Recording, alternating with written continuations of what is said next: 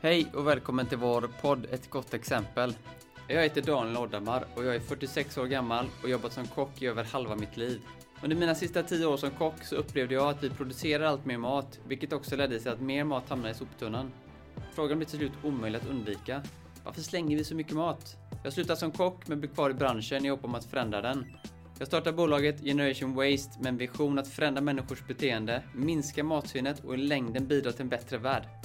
Efter många år i restaurangbranschen har jag mött extremt många intressanta och nytänkande människor som har inspirerat mig till att värna om miljön och tänka i nya banor. I denna podd vill jag lyfta fram dessa människor och deras resor i hopp om att de ska inspirera dig som lyssnar. Sofia Ström är affärsutvecklare med fokus på hållbarhetsfrågor på GU Ventures. Hon har även suttit med som styrelseordförande sedan starten av Generation Waste 2018. Sofia är grymt snabbtänkt och strukturerad och hon har öppnat många dörrar i innovationernas fantastiska värld. Vad säger ni om vete som går att odla på uttjänta och alldeles för salta landområden eller om patentet som kan skörda växtnäring ur urin och avloppsvatten?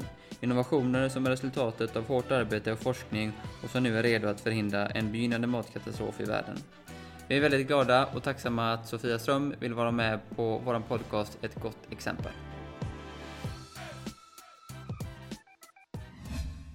Då kör vi podcast nummer 26 och eh, vi eh, sitter här på vårt nya kontor på Börgatan här i Göteborg. Och vi ska intervjua Sofia Ström som är affärsutvecklare och ansvarig för hållbarhetsfrågor ehm, kan man säga på G Ventures. Stämmer bra det. Välkommen hit. Tack så jättemycket. Och gott att se dig och vad kul att få träffas live. Det var länge sedan. Ja, det var länge sedan. Jag har jobbat hemma alldeles för länge nu så det är underbart att träffa ja. folk igen. Härligt. Hur är läget idag? Hur har din sommar varit? Har du haft en skön eh, och välbehövlig semester? Ja, absolut. Mycket äventyr och eh, glad, utvilad och eh, ser fram emot hösten och massa spännande saker som är på gång. Så jag mår alldeles utmärkt. Laddat batterierna? ja, absolut. Kan du inte berätta? Jag vet ju att du var på, du har ju varit på ett, ehm, eh, under sommaren på semestern. Eh, på ett camp. ja, ska man berätta allt det också? Nej, det har varit mycket äventyr, både överlevnadsutbildning och eh, lite annat. Men det är spännande tycker jag att eh, testa sina gränser och se hur man reagerar i olika situationer. Det mm. är användbart även i affärslivet när man jobbar med startupbolag ja. där det går upp och ner. Och så håller du på med capoeira också? Capoeira. Capoeira, ja. Ja, det tränar jag också. Eh, nybörjare ska man väl säga, men väldigt entusiastiskt. Det är väldigt roligt. Och svårt. Mycket balans och mycket eh, dans och mycket... Alltså mycket... Ja, musik och akrobatik. Så det skulle man ju ha börjat med egentligen när man var mycket yngre ja. än jag är. Mm. Men eh, är det roligt så är det roligt och då kastar man sig in i det också. Härligt. Du Sofia, vi har ju känt varandra sedan eh, vi träffades första gången 2018. Vi ska berätta lite hur vi träffades. Men kan inte du berätta lite om din bakgrund? Jag gick in på din profil igår på LinkedIn och såg att jösses vilka, vilka utbildningar du har. Ehm, visst är du från Linköping? Eh, jag är född i Västervik men jag har pluggat i Linköping. Okej, okay, ja. Mm. Så smålänning då? I... Smålänning är jag, precis. Ja. som jobbar med startupbolag. Det stämmer bra det. Ja. ja. Så du pluggar på i Linköping? Um... Mm, jag har pluggat, ehm, det var då hette det fyraårig teknisk och sen har jag varit i Uppsala och pluggat och sen tillbaka till Linköping och sen ner till Göteborg igen. Så på många olika ställen faktiskt. Men mm. Eh, fokus har alltid varit hälsa på något sätt. Eh, ja, i utbildningarna måste mm. jag säga. Och hur, eh, hur kom du i kontakt eh, med GU Ventures och Göteborgs universitet? Det var att jag jobbade på en annan inkubator först. Jag jobbade och hjälpte startupbolag inom hälsa. Och sen så kände jag att nej, man måste kunna göra ytterligare mer. Man måste kunna liksom det måste finnas ytterligare en dimension eh, och det var ju innan FNs hållbarhetsmål var ute och sådär. Men det handlade om hållbarhet och social hållbarhet och, och verkligen kunna välja vilka bolag och projekt man investerar och, och eh, engagerar sig i. Och då kom jag i kontakt med Clementina Österberg som är VD för G Ventures. Och vi föll väl för varandra och passionen för startupbolag och eh, göra världen till en bättre plats genom att ta fram nya bolag och nya innovationer. Mm. Så då började jag där. Sen vi har träffat, alltså du brinner ju verkligen för hållbarhetsfrågor och, och människan på något sätt kan jag uppleva. Men samtidigt så är du ju grym på affärsutveckling och, och driva affärer och, och, och, få saker och ting gjorda. Eh, vad, vad tror du att det kommer ifrån? Vad är, det som, vad är din drivkraft? Eh, ja, men drivet kommer från en djup, eh, vad ska jag säga, respekt för allt liv på jorden. Det låter eh, stort kanske, men, men det är drivkraften att verkligen bidra på massor med olika sätt till eh, att vi lever mer i balans med naturen och det runt om oss. Och, eh, och då, då gillar jag att jobba både med ja, stora strategiska frågor, hållbarhet och hur driver vi det? Till exempel inom startupvärlden och så i de bolagen vi tar fram och de vi sätter resurser i. Men det handlar ju till syvende och sist också om den enskilda individen och eh, kunna liksom jobba på individnivå med personer också och kunna se vad de drivs av och stötta det. Så att det, det både, både på ja, hitta vad ska vi säga, rätt individ eller kunna stimulera det, deras drivkrafter eh, och sen också ta det ut i större sammanhang. Mm. Så det är alltihopa. Hur kan man, nu har eh, FNB släppt sin nya klimatrapport och vi har sett det nu att det har varit eh, oväder, det har varit bränder och, och vi är verkligen så här, vi är på väg i fel spår. Hur tänker du, vad tror du man kan göra? För det är lätt att tänka att det blir en sån här domedagsprofetior, mm. att man, det här går åt det här går åt skogen. Åt skogen precis. Men hur, vad är det som håller uppe din tro på att vi ska ändra det här? Det är en fast övertygelse att det här är en tid av transformation och det finns en enorm potential. Gigantisk potential att göra eh, förändringar i förändringar i sättet vi lever och hur vi beter oss och nya innovationer och en del av det är ju att vi satsar pengar och resurser i projekt och bolag som bidrar till FNs mål, som, som löser problem på ett annat sätt, som har en annan värdegrund. Så att även om det är, eh, kan ses som en domedag, så det, det, här går inte och nu kan man gå ner. Man kan ju välja att gå den vägen, eller annars kan man välja att gå vägen att nej, jag ska fan inte göra det här, jag ska göra något annat. Jag ska bidra till att vi går åt ett annat håll. Mm. Och det har liksom alltid funnits i mig, lite envis kan man väl säga. Mm. Ja, det är... Så det är potentialen som finns, det är möjligheterna som finns här nu. Mm. Absolut. Vi träffade, jag, jag stod, idén till Generation Waste eh, och våran, eh, vårat system fick jag 2017 och eh, då pitchade jag en idé för hotellägare, bankkollegor, kompisar som jobbar på bank, olika investerare, affärsutvecklare och då träffade jag också Andreas Springle som, har, som är medgrundare av Generation Waste. Och då gick vi en, en kurs um, på fem, sex tillfällen ute på Drivhuset mm. i, i Gamlestan. Ja, just det. Och då pitchade vi första gången våran idé. För mig. Vad, var det, vad var det du såg i, i, i oss och, och, idén vi hade som, som du nappade på? Eh, idén var ju definitivt eh, eh, minska eh, matsvinn och bidra till eh, eh, ett bättre klimat. Det var ju väldigt tydligt, även om det var en väldigt tidig idé, så visste ni precis vad ni ville göra. Och jag visste intuitivt och faktamässigt att det här ligger helt rätt i vad som kommer att behövas. Så det var ju den. Eh, sen är det ju teamet, personerna. Eh, kombinationen av du och Andreas där och ja, kompetenser men också drivkraften. Jag, ni, ni, skulle göra det här helt enkelt. Mm. Och det, den drivkraften behöver man, för jag, även om jag inte jag ville säga det då, så vet jag ju att det går lite upp och ner i den här resan. Kanske du kan konfirmera nu, ja. Daniel? Men, eh, och därför behövs det, det, det, behövs den styrkan, det behövs den drivkraften att våga och orka även när det går, när det är lite kämpigt. Mm. Och det kan vi ju verkligen eh, framförallt det, med tanke på Corona som kom. Ja. Där det faktiskt var en uppgång. Vi ska säga också att, att Andreas är ju inte aktiv i bolaget idag. Vi valde att, att gå skilda vägar men han är en stor, ja. en stor del Absolut. fortfarande i DNA till bolaget. Och, men jag tänker så här, vad... Alltså, du har ju hjälpt mig jättemycket Sofia. Vi, ska säga, vi sitter ju, satt på två inkubatorer, vi sitter fortfarande på en inkubator och vi satt även på Founders Loft.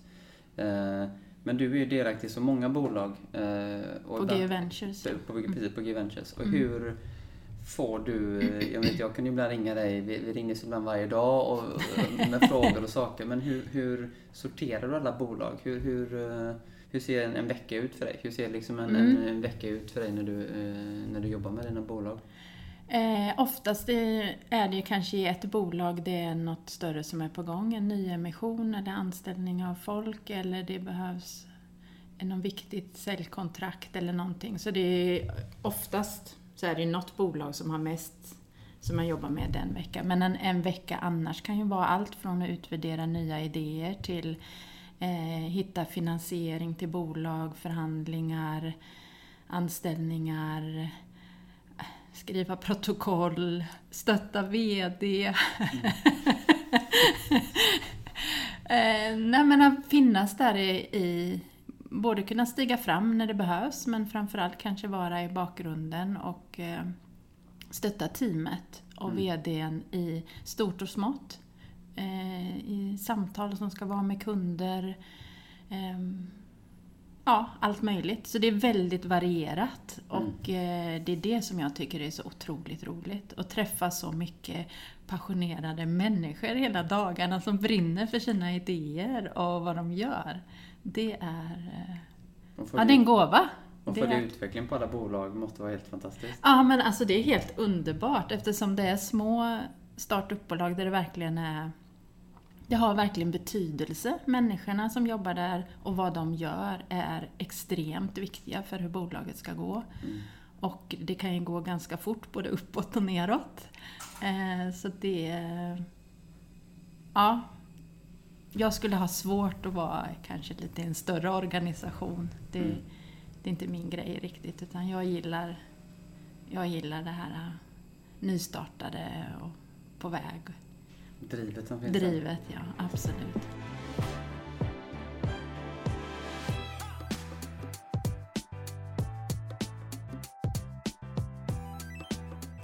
Det är ju väldigt många spännande bolag mm. inom GU Ventures, mm. just inom hållbarhet och sustainability. Mm. Eh, kan du inte berätta bara kort om några? Är många bolag. Ja, absolut. Um, Nej men GU Ventures har ju funnits i många, många år nu höll jag på att säga.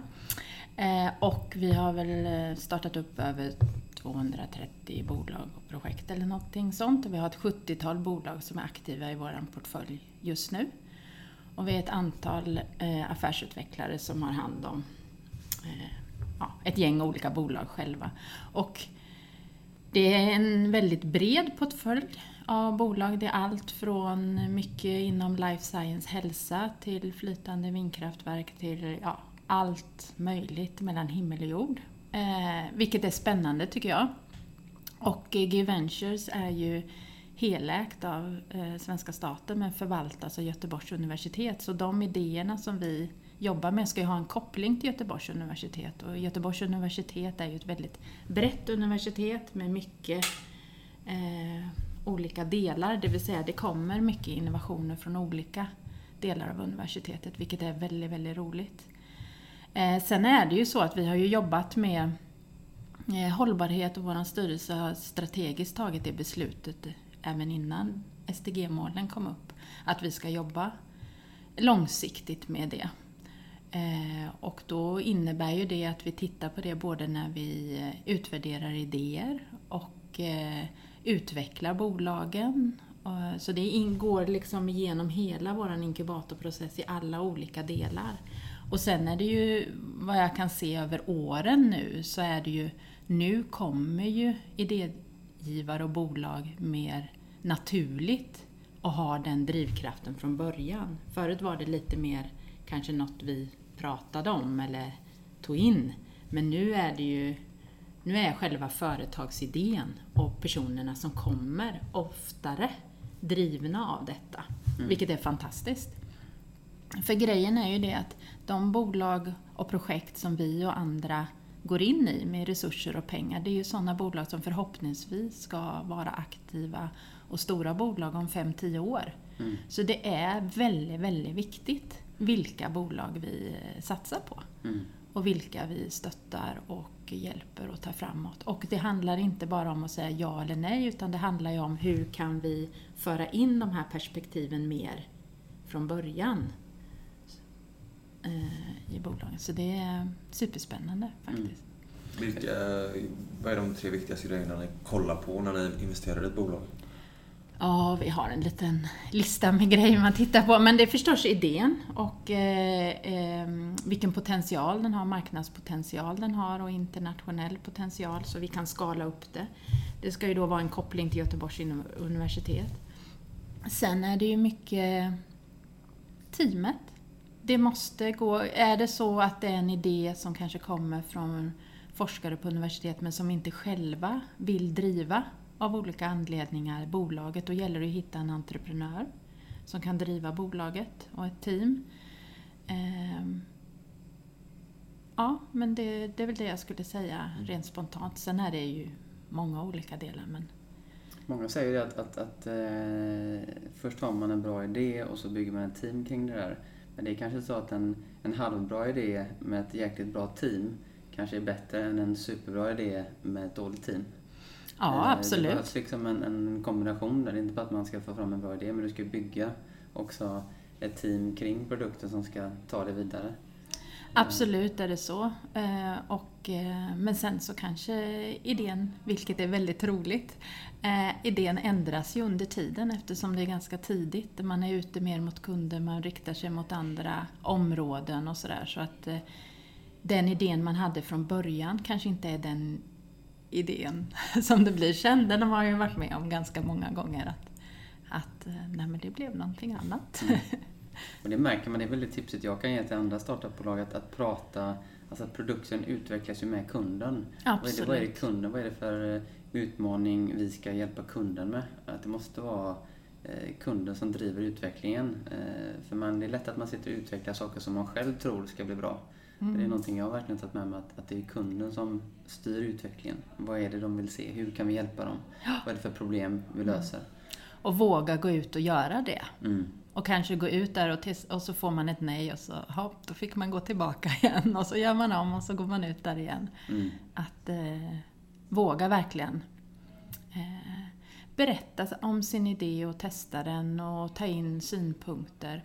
Och samtidigt så kommer man, jag menar, frågar man väldigt många olika personer så kommer man ju få olika svar också. Så det gäller ju också sen gå tillbaka till sig själv och titta, okej, okay, men vad är det verkligen vi ska göra? Mm. Ja, spännande. Jag tänker just det här med hållbarhet som, som jag har, har känt länge. För mig går hållbarhet och ekonomi, det går hand i hand. Absolut. Men väldigt ofta, sista upplever jag, nu känns det som att vi är på rätt väg, äntligen. Mm. Men det här med att um, det är, de, de, de, de står inte emot varandra eh, på något sätt. Nej, absolut inte. Alltså det, det är väl det som har varit Förut man pratar kanske om ekonomisk hållbarhet, social hållbarhet och ekologisk hållbarhet och så har det varit som tre olika bubblor eller, och så går de ihop lite grann. Men om man ska jobba med hållbar utveckling så handlar det om eh, nu går det in på mina passionsområden. Nej men då handlar det om att man tittar på den eh, ekologiska hållbarheten först. Eh, och sen så tittar man på den sociala hållbarheten och sen går man in och tittar på den ekonomiska hållbarheten och ser hur man kan utveckla en affärsmodell eh, som bidrar till det. Så det, det, är liksom, det är inte olika delar. Och den, jag menar en ekologisk stabilitet och en social stabilitet ligger som grund för en långsiktig ekonomiskt hållbar utveckling. Så det, det är in, det måste, att jobba med hållbarhet flera dimensioner och det är något som måste ingå som ett liksom DNA i från början. Mm. Och att man vågar eh, ta beslut eh, som, som kanske går emot lite eh, andra delar, hur man har jobbat innan. Mm. Men, men, samtidigt så finns det enorm potential. Så det, vi har pratat om just de bolagen som sitter och ser det här med flytande vindkraftverk. Jag vet, jag, nere hos för något år sedan. Då var någon som skulle omvandla urin till liksom växtnäring. Mm, eh. Mycorrena, ett Ja. bolag som gör svampproteiner. Och det är Ja. verkligen så här... Jag upplever att det, varit, det händer väldigt mycket. Så många är, är Ja, det- häftiga idéer. Ja, det är grymt eh, mycket häftiga idéer. Och, eh, ja, det, Ja, det, det, är, det är verkligen en underbart att få jobba på en sån arbetsplats där man Mm. möter så mycket nya idéer och så mycket framtidstro och hopp och jävlar anamma att man ska klara att genomföra saker och ehm, Nej, men det är spännande. Det kommer verkligen inom många olika områden. Mm. Eh, Och det är ju det som behövs. Mm. Vi måste ju bidra till eh, med nya idéer och lösningar på Mm. problem. Vi kan inte fortsätta i de gamla spåren och det är ju mycket det det handlar om, hela den här transformationen nu. Det handlar ju om beteendeförändringar. Som Generation Waste till exempel nu med eran produkt och tjänst. Mm. Hur man, hur man jobbar, det är det som behövs.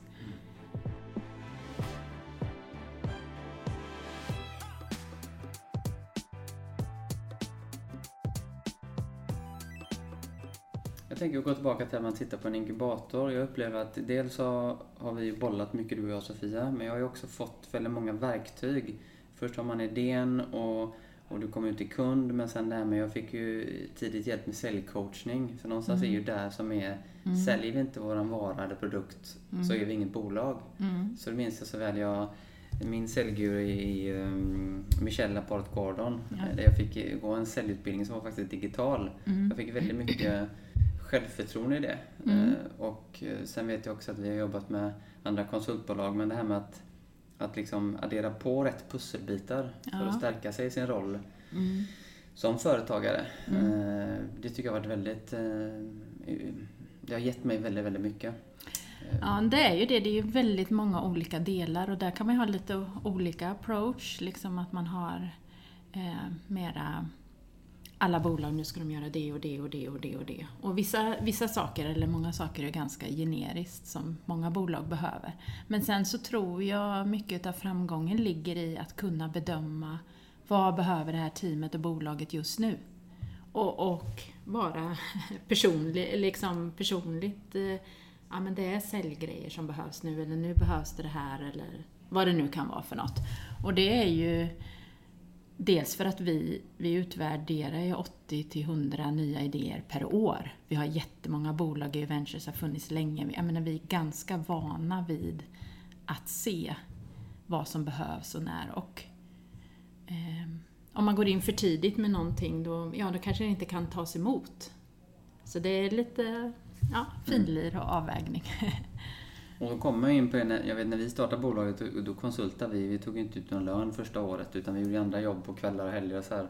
Men sen kommer man till att det börjar komma in lite pengar, man tar ut lite lön. Men om vi kommer till den här punkten som är ekonomin Mm. och finansieringen som Mm. är den tuffaste delen. Ja. Men vad är dina tips där? Man kan ju titta på pitchar och sånt, men vad är det som man... Vad är det, vad är ditt tips där liksom för att ta in kapital, ta in rätt kapital? För någonstans tar du in någon som du ska gifta dig med som du säger. Man är ju det som Mm. ett, när man är kompanjoner. Mm. Vad är ditt tips där? Eh, Det beror lite på i vilken fas bolaget är.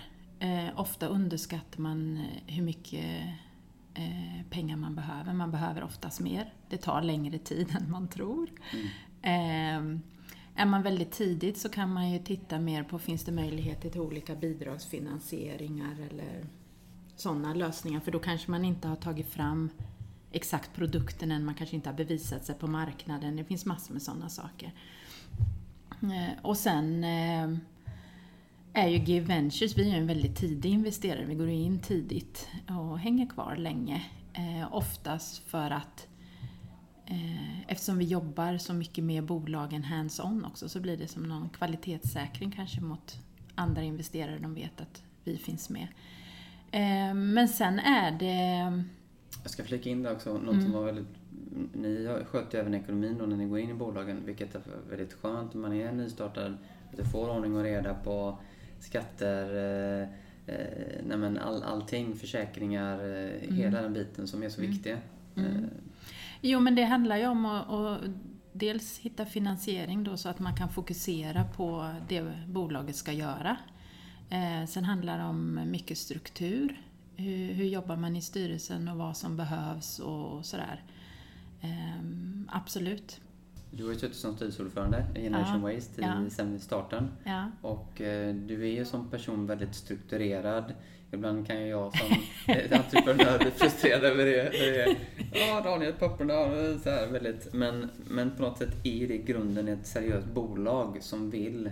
för- För förr eller senare så kommer det till punkt att har ni koll på det här? Har ni check på det här? Mm. Eh, Vad är ditt tips eh, för nystartade bolag när man tar in styrelsemedlemmar och hur man jobbar med själva styrelsearbetet? För det är ju Mm. själva bollplanket och det som lyfter verksamheten framåt. Mm. Nej men det, framförallt så måste man ju tänka på vilken kompetens är det vi behöver. Eh, Så att styrelsen kan bidra, öppna dörrar, bidra med kompetens och bollplank och sånt. Eh, det är ju väldigt viktigt. Och att, eh, att personerna har tid att engagera sig. Det är eh, tidiga startupbolag där man kanske aldrig har drivit bolag innan. Det är mycket frågor. Och det, det är ju viktigt. Eh, så det är kompetens och att det finns tid. Och sen är ju en av våra uppgifter, eh, Gventures, är ju att få ordning på den strukturen. Hur ser hur ska arbetet bedrivas? Hur, hur säkerställer vi? För att om det inte är ordning på de grejerna när investerare kommer in sen om ett, två år och ska göra en utvärdering av bolaget eller någon frågar eller någonting. Då måste ju allt det där finnas för annars så, så kanske man inte kan ta in kapitalet. Mm. Så att, ehm, och gör man det från början så blir det oftast eh, väldigt enkelt sen. Mm. Hur ser du på det här med, för jag, jag tycker ibland eh, upplever jag, eller så här kan det väl vara de sista åren, sista tiden, att det är många bolag är väldigt, det är många gubbar som är med. Mm. Eh, nu sticker jag ut hakan lite grann, men investerare är oftast män i, i eh, 80% av fallen. Mm. Eh, jag tror ju mycket på en dynamik mellan liksom, att man har en jämställd styrelse. Mm, Eh, jag till exempel nu har försökt att leta kvinnliga investerare Mm. eh, som heller inte, nu händer det väldigt mycket. Min tro var att, att skapa en styrelse det är som att bygga ett fotbollslag. Ja, Vi kan inte absolut. bygga, man måste ha olika mm, Spelare. spelare. Mm. Och då blir det också, får man också vara beredd på att det blir högt, att det blir mycket diskussioner. Att det blir liksom, Men det är ju för det, mig- för i mig är- det, det är då det föds. Ja. Mycket. Ja men absolut, det, är- det är ju någonting som jag brinner för och som Gud Ventures har jobbat länge med. Och jobbar fortfarande med. Men det är fortfarande så att det är fler eh, män eh, som investerar och som sitter i styrelsen. Men det, där handlar det ju om att vara envis och, och eh, det finns väldigt kompetenta eh, både kvinnor och män och det gäller och när man rekryterar till styrelse och teamet att eh, titta på det. Och inte bara ta eh, liksom kompisar eller eh, ja, jag känner den som känner den liksom, utan göra det professionellt. Eh, rekrytering till styrelse eh, och teamet. Mm.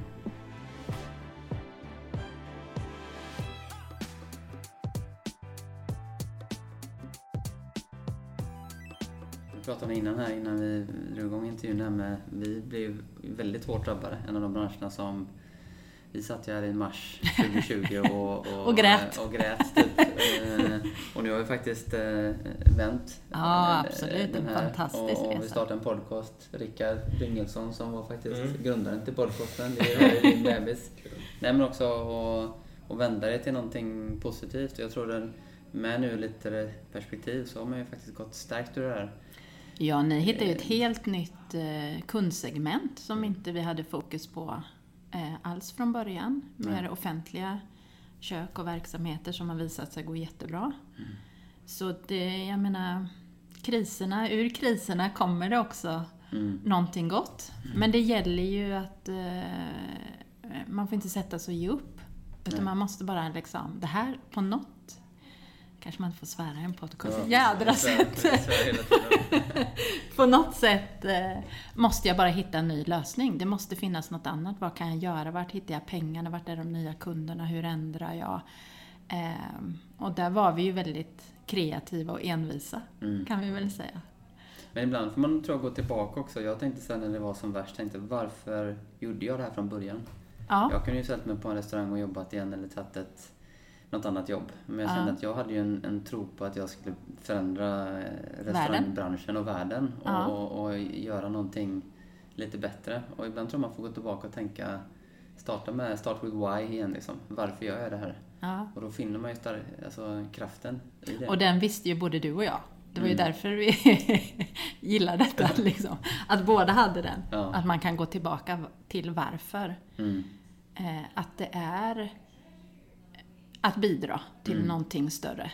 Och att det är att förändra sättet eh, eh, som vi hanterar mat och vad det innebär. Mm.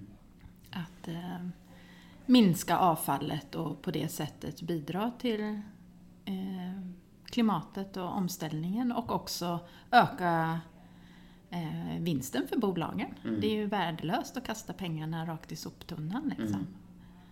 Du, nu, nu tänker jag hoppa spår helt och hållet här. Mm. Vad, vad, eh, vad vet du idag eh, som du önskar att du visste för 30 år sedan? Oj. Det är en ganska eh, svår fråga men ja, när man blir lite eh, mer erfaren och livet gör en mer... då bryr man sig inte så mycket om vad andra tänker utan då gör man det man själv vill. Nej men det är kanske är en sak. Jag litar väldigt, väldigt mycket på min intuition och, och liksom, även om jag inte kanske direkt kan förklara det, så bara, ja men det är någonting här med den här idén, med de här folken, med teamet. Jag måste bara, liksom, då kan jag bli väldigt liksom, det måste bara kolla vad det här är för någonting. Eh, så det var för 30 år sedan eller 20 år sedan eller något. Det var, jag litade kanske inte lika mycket på min egen intuition och förmåga utan mera vad andra sa runt om.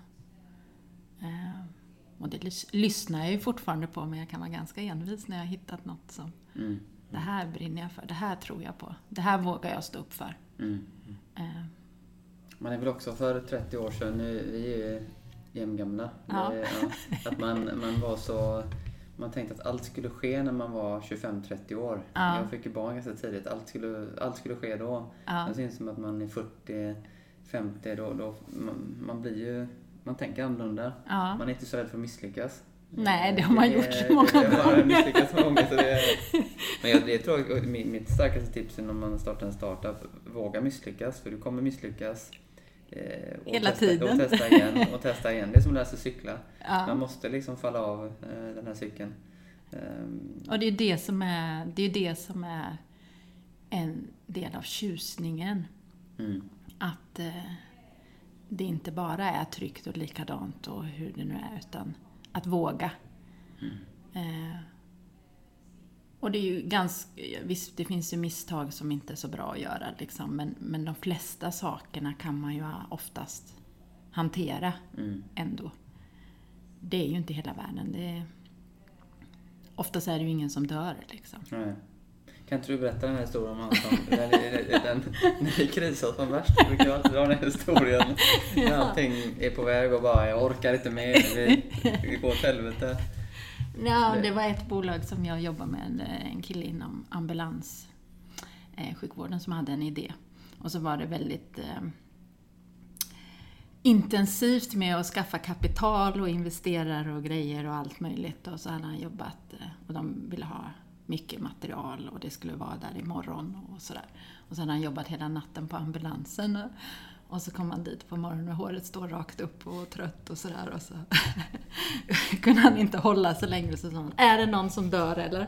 Nej, nej, då kan det vänta. Då får vänta till det har Så att ibland är det ju, man måste ju veta när det är det viktigt på riktigt och Mm. när kan det faktiskt vänta. För att eh, jobba med startupbolag och tidigt, det, det finns hur mycket som helst att göra, hela tiden. Så om vi går tillbaka till hållbarhet igen så handlar det om att kunna vara väldigt hård med sina prioriteringar. Mm. Vad är det faktiskt som är viktigt och vad som behövs göras just nu? Och vara omtänksam och snäll mot sig själv och teamet. Mm. Eh, För att ibland kommer man behöva köra på hårt. Men det måste också finnas eh, tid eh, där man kan slappna av och släppa alltihopa. För det ska hålla under lång tid. Mm. Och då går det inte att man kör helt slut på sig.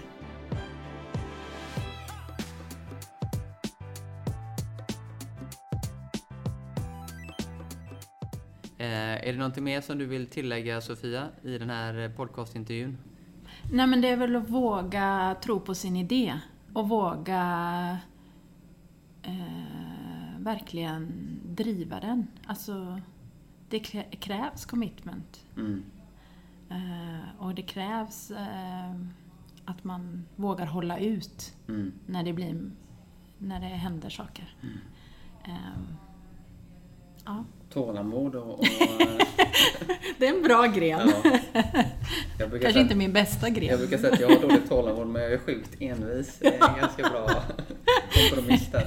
Ja, vi har brutit ihop lite båda två och Ja. sen kommit igen.